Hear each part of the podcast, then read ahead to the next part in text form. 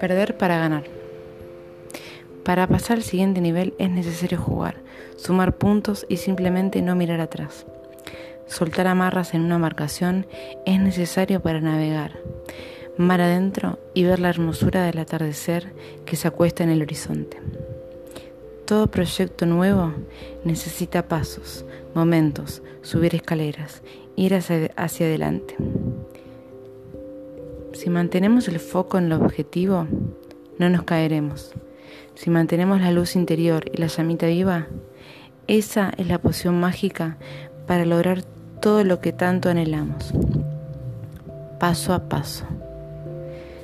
Como el niño que da sus primeros pasos y necesita de sus padres para hacerlo.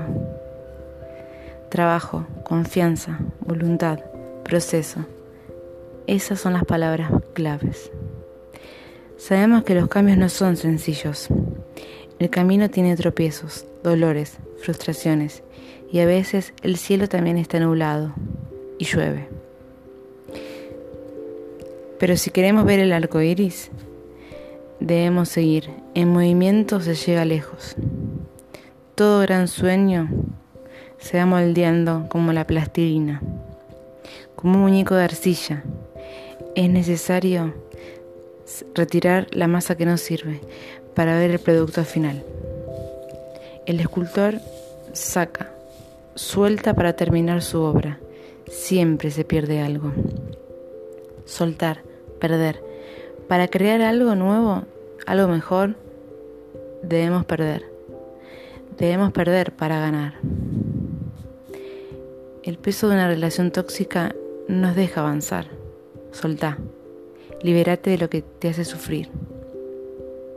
El lastre de un duelo no concluido no nos deja avanzar, nos pesa.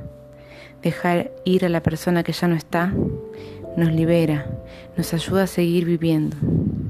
Nunca olvidamos a quienes queremos, simplemente seguimos caminando y dejamos que ellos también vayan hacia la luz. Cerrar etapas es salud mental. Todo lleva un proceso. No venimos a este mundo con un manual de instrucciones. Soltar, perder, dejar es salud. Soltarle la mano a lo viejo para abrazar lo nuevo. Cerrar un capítulo para darle lugar a una nueva historia. La vida no es lineal. Tenemos tantas rutas para discernir y qué mejor que transitarlas con el peso indicado, el peso que nuestro cuerpo y mente pueden bancar. Lleva solo lo necesario, solo lo que te hace más fuerte, solo lo que te haga sentir pleno. La vida es un proceso y es cuesta arriba. A medida que avanzamos el camino se muestra más luminoso. No tengas miedo, tu alma es la brújula que te marca el norte.